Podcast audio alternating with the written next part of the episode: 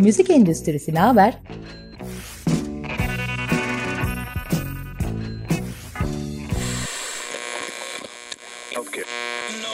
Müzik endüstrisinin her alandaki dinamikleri.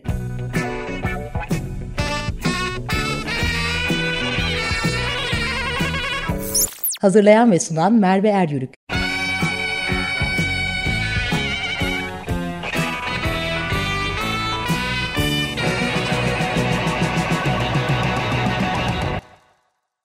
Merhabalar.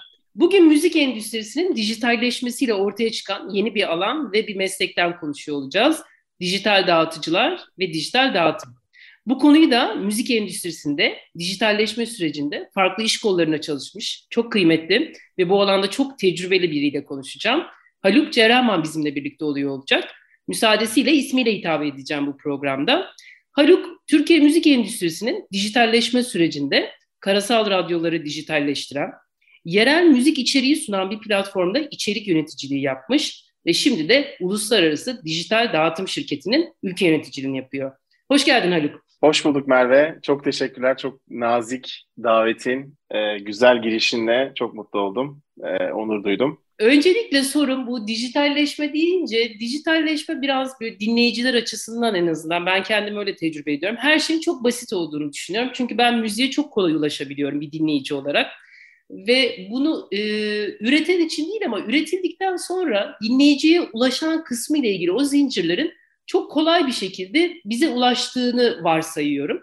E, bu biraz da müzik endüstrisindeki bir tabir var. Bu şimdi İngilizce çok konuşmak istemiyorum açıkçası. Ama böyle işte do it yourself, kendin yap iş modelleriyle sanki bir müzik yapan kişi kendi şarkısını çok kolay bir şekilde e, dünya devi olan müzik platformlarına kendi koyabilir ve ben de bir dinleyici olarak buna ulaşabilirim tecrübesini sanki e, öyleymiş gibi hissediyorum. Sahiden bu kadar kolay mı? Yani bir dijital dağıtıcıya e, bir müzik üreticisi ya da bir yapım şirketi neden ihtiyaç duyuyor? Bunu sorarak başlamak isterim.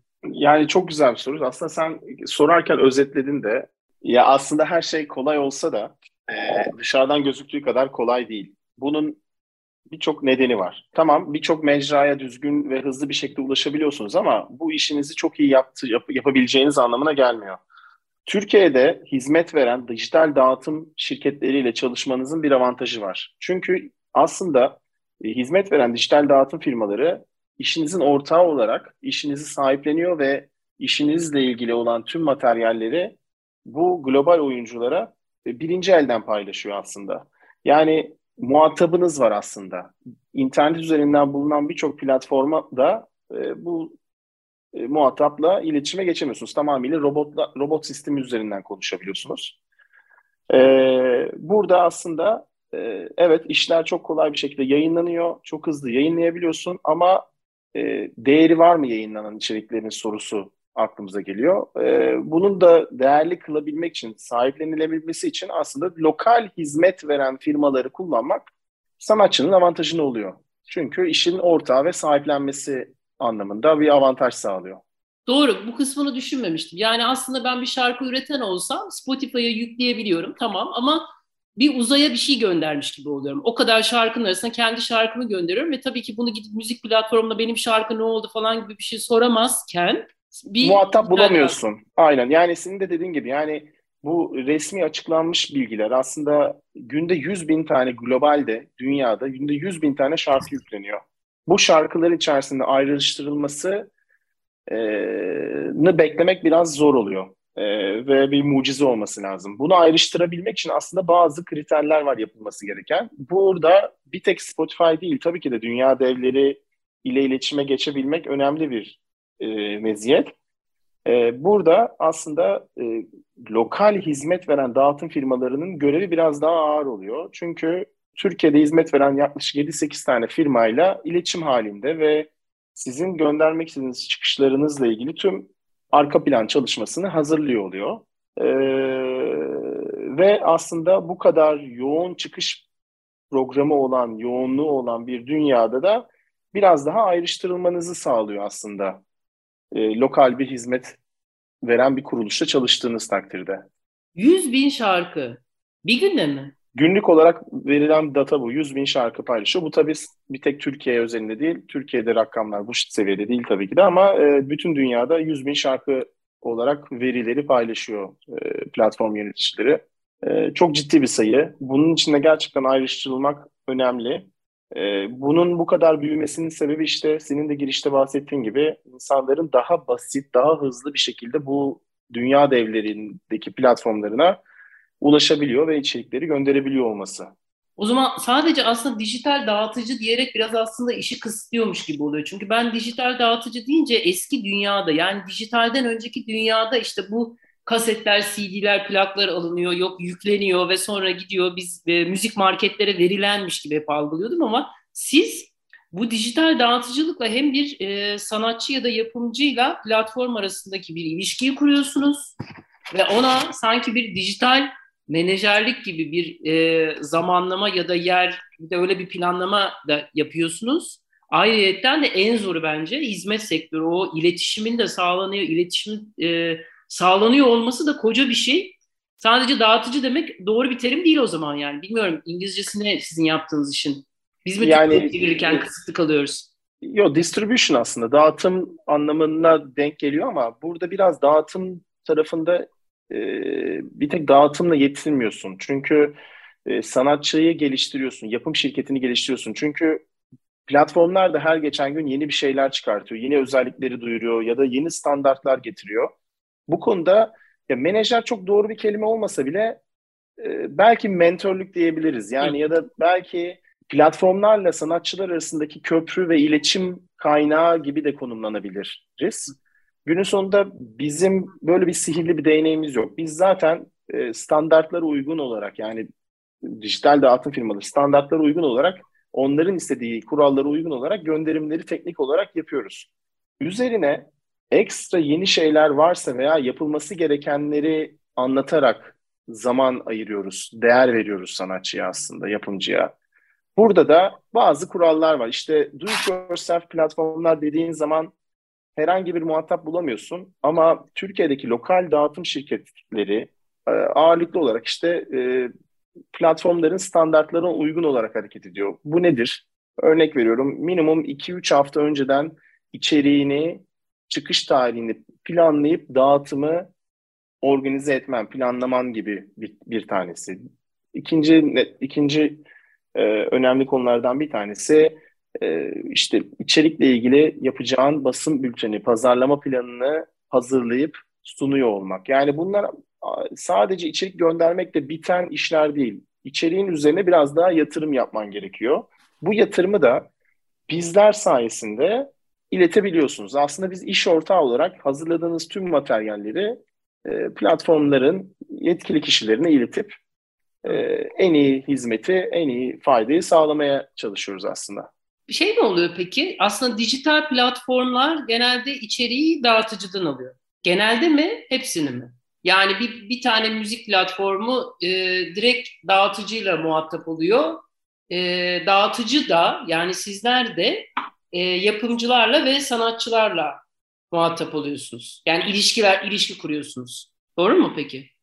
Doğru. Ee, tabii büyük büyük e, büyük yapım şirketleri, global yapım şirketlerinin doğrudan anlaşmaları da olabiliyor. Bu çok köklü ve büyük şirketler olarak düşünelim. Ee, ama ağırlıklı olarak şimdi sanatçıyla direkt ilişkili veya sanatçıyla direkt anlaşma yapmıyorlar. Çünkü yüz binlerce sanatçı var. Hepsiyle ayrı gereksinimler veya işte kurallara uygun bir şekilde içerik göndermesini e, beklemeyelim. Bunun içinde teknik bir yetenek olması gerekiyor. Ağırlıklı olarak evet bütün platformlar dijital dağıtım şirketleri ya da çok büyük major label dedikleri firmalar üzerinden verilerini besliyorlar. E, 150'den fazla platform var. Hani resmi olarak bütün e, içeriğinizin yayınlandığı 150'den fazla platform var bunlarla direkt sanatçı olarak ya da yapım şirketi olarak anlaşmak e, çok mümkün değil. İletişime geçmek bile çok zaman alan bir şey. O yüzden burada dağıtım şirketlerinin e, önemi ve değeri ortaya çıkıyor. E, sizin ulaşamadığınız e, gönderimi için ya da iletişime geçemediğiniz birçok platformla entegrasyonu ciddi bir avantaj aslında.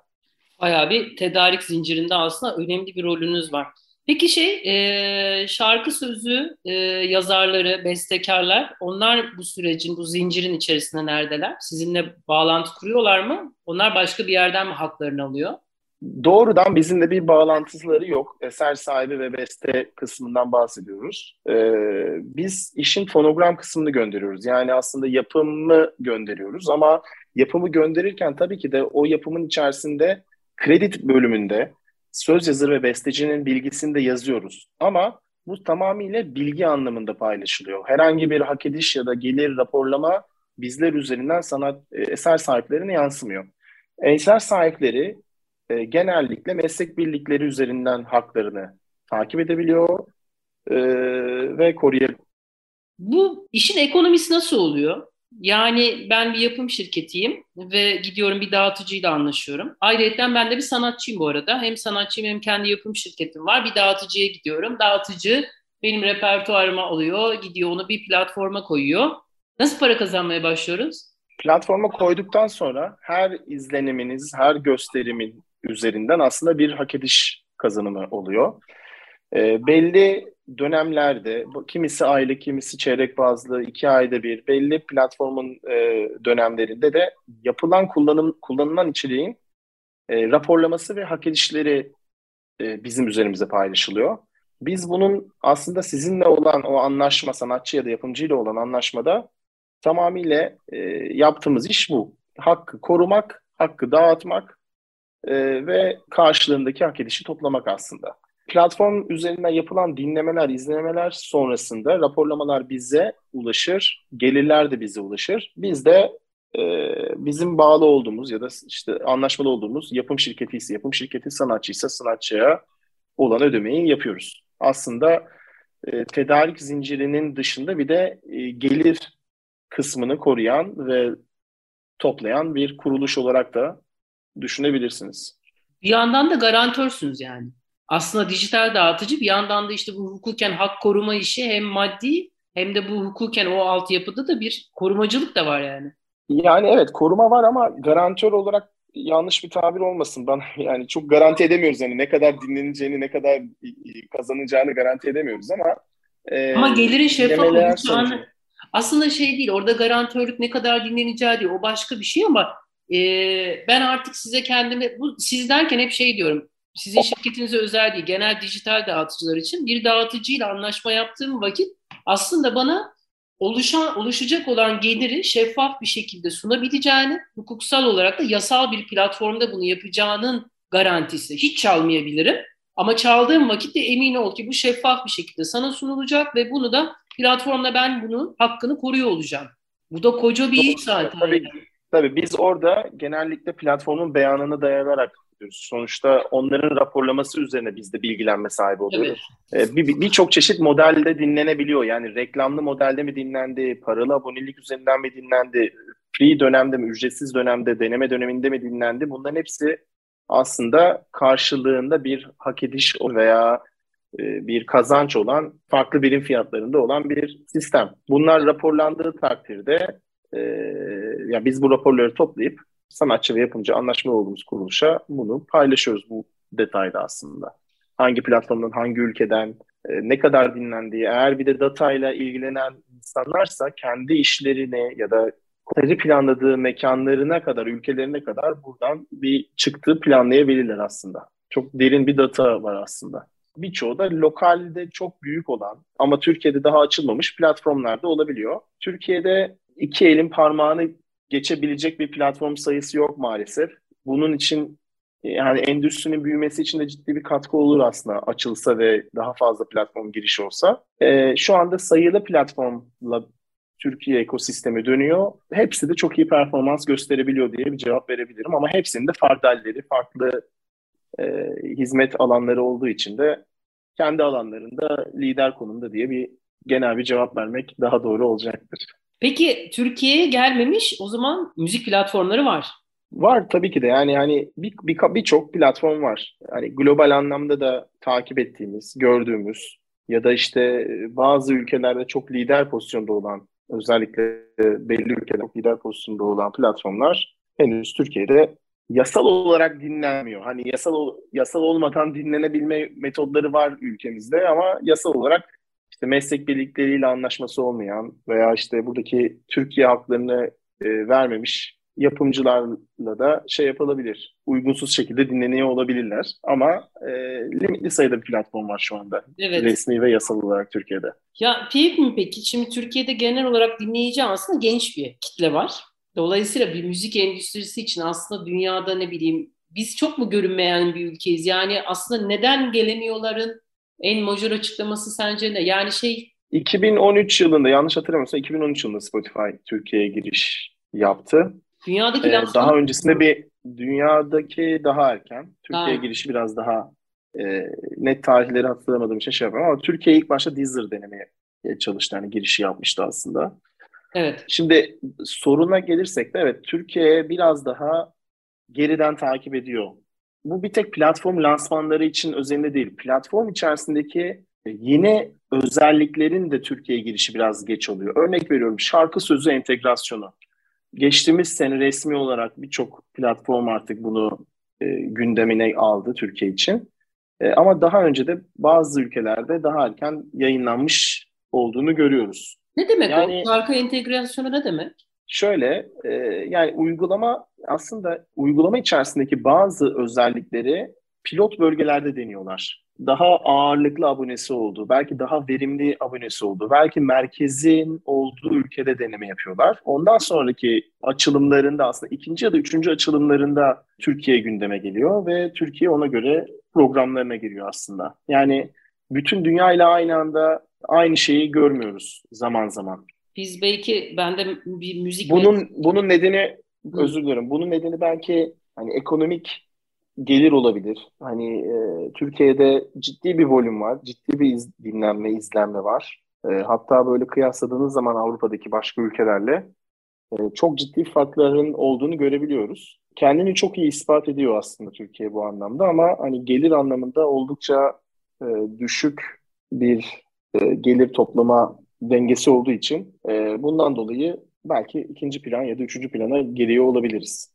Çok büyük bir potansiyel olarak aslında Türkiye öyle bir ülke olarak gözükmüyor. Şimdi müzik meslek birliği çalışanı olarak aslında bu dünya devleri gelmeye başladığı vakit biraz müzik meslek birlikleri de bu anlamda biraz yavaş kalıyor. Dolayısıyla biraz bir müzik endüstrisinin iş modelleri, buraların lisanslanması ile ilgili yavaş kalan meslek birlikleriyiz. Bu anlamda da biraz e, zorlaştırıcı etkenlerin özneleri oluyoruz diye düşünüyorum. Bir ikincisi de aslında galiba e, şeyi çok görüyoruz biz e, müzik dinleyicisi müziğe para vermek istemeyen kişiler. Dolayısıyla bu abonelikler, e, buralara ücret ödemeler konusunda tam o kültürde olmadığımız için çok büyük potansiyel de belki bilmiyorum dışarıdan belki öyle okunuyor olabilir. Bir de bunu merak etmiştim. Peki e, dijitalde şimdi bir soru soracağım ama çok genel bir soru olacak tabii ama yine de sormak istiyorum. Bu dijitalde en çok kim parayı kazanıyor? Bir şarkı dinleniyor. Ben bir şarkıyı dinliyorum şu an. Bütün bu hak sahiplikleri içerisinde platform var, dağıtıcı var, o sırada yapım şirketi var, sanatçısı var, söz yazarı, bestekar. Bir sürü bir kişi var. O şarkının dinlenmesinden en fazla parayı acaba kim kazanıyor diye sormak isterim. Ya çok çok üstünden yani bunu birçok kaynaklardan da görebiliyorsunuz ama çok çok üstten bir oranla paylaşırsam aslında bu işin büyük parti, büyük bir oranı yapıma gidiyor aslında. Yapım tarafı, yapım yani fonogram kısmı, işi belki hani biz dağıttığımız için de olabilir. Dağıtım yapıp gelirin toplayan kısım olarak değerlendirebilirsin. Tabii altındaki devam eden dağıtım altındaki işte yapımın altındaki anlaşma koşullarını bilemem ama bir yüzdesel olarak eser sahibinden daha çok yapımcı kazanıyor öyle söyleyebilirim.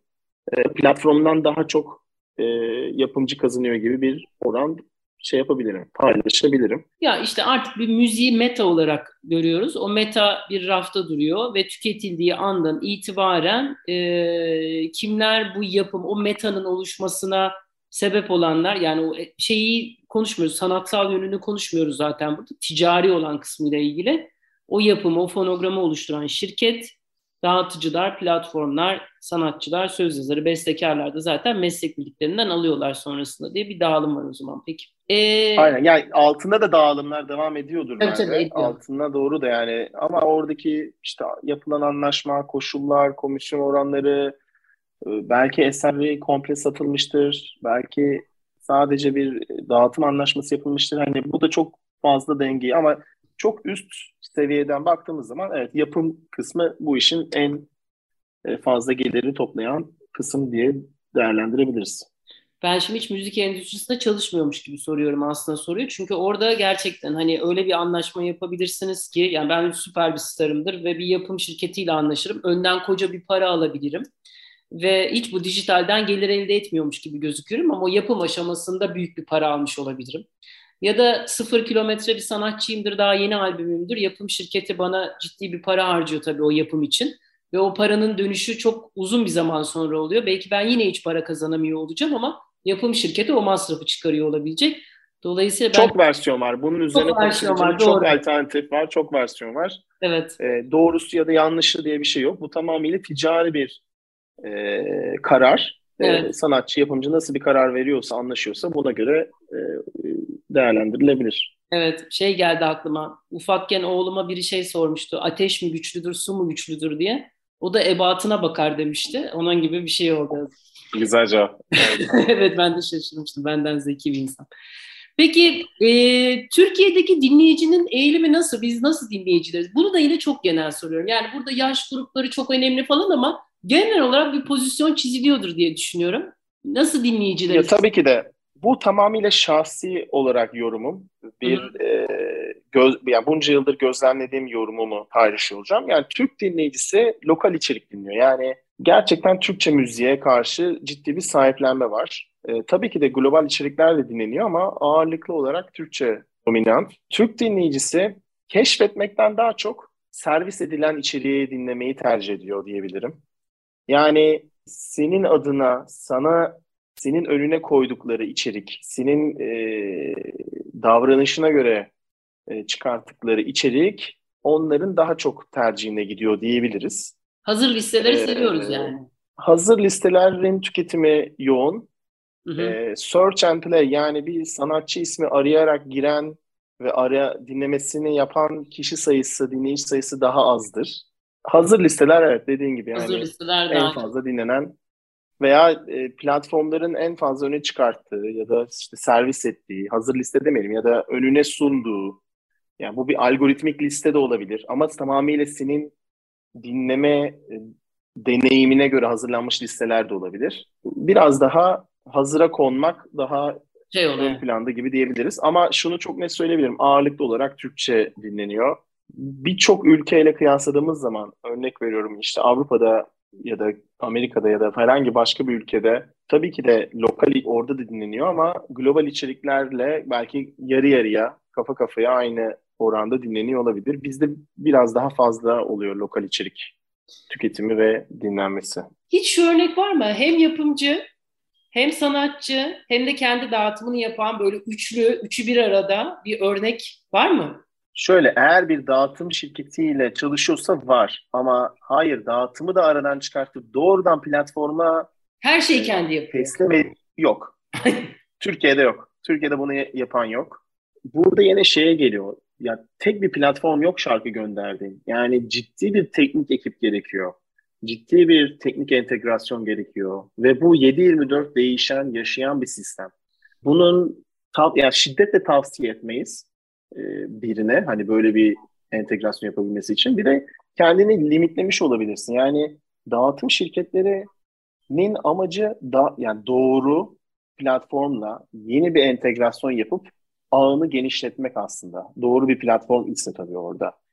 Ee, bir sanatçının bunu takip edebilmesi veya geliştirebilmesi sanatçı ya da yapımcının çok e, mümkün değil. Ama bahsettiğin senaryoda hani sanatçı yapım şirketini de açmış. Dağıtımını do- doğrudan dağıtım şirketiyle yapanlar çok var. Hı hı. Yapımcı kullanmadan arada. Ama dağıtıcıyı da aradan çıkartıp platformlara ileten e, yok. Gerçekten yok. E, yani bugün en büyük sıkıntılardan biri bence gelir, toplanan gelir. Yani çok ucuza müzik dinliyor olmamız, e, dilediğin müziği bir ay boyunca çok daha uygun rakamlara dinliyor olman en büyük sıkıntılardan biri. Diğer başka sıkıntıları da yok mu diye sorarsan da var tabii ki de. Hani bu Türk müziğini daha büyütebilmek için bence global daha çok daha fazla platformun Türkiye'ye girmesi, daha fazla oyuncunun Türkiye'de olması, e, Türkiye'nin daha fazla e, bu alanda başarılı ve çok fazla abonesi, tüketimi olduğunu göstermemiz gerekiyor. Bir de bence en büyük bir problem e, müsaadenle sana bir katkıda bulunmak istiyorum. Gelir çok düşük. Bu gelir çok düşükken de müzik endüstrisinin içindeki e, aktör ve aktrislerin hepsinin birbirinin gelirleri için kavga ediyor olması bir de. Yani büyük gelir için birlik olup kavga etmek yerine birbirimizin içerisindeki gelirler içerisinde de başka e, gelir kavgaları yapıyor olmamız da bence diğer bir problem galiba. Konuyu çözmek ve e, anlamak üzerine değil de ben Haluk'tan daha çok para kazanmalıyım üzerinde Merve Haluk kavgasına dönüşen bir şey oluyor diye görüyorum bir de. Yani bu senin tespitin doğru olabilir gerçekten ama en azından şunu ekleyelim. Zam konusunda herkesin hem fikir olduğuna şahit olduk. Toplu bir hareketin gerçekten güzel bir mesajıydı bu. Ee, herkesin zam konusunda hem fikir olması biraz daha belki bir şeylerin düzelmesi için vesile olmuştur. Hala az. Yapılan zamlar sonrasında hala az. Fazlası olması gerekiyordu. Geçtiğimiz yıllara kıyasladığımız noktada. Ama her şey güzel olacak diyelim. Çok teşekkürler Haluk. Benim için çok faydalı oldu. Ee, çok teşekkürler katılımın için. Keyifliydi. Çok teşekkür ederim zaman ayırdığın için. Çok keyifliydi benim için de. Teşekkürler.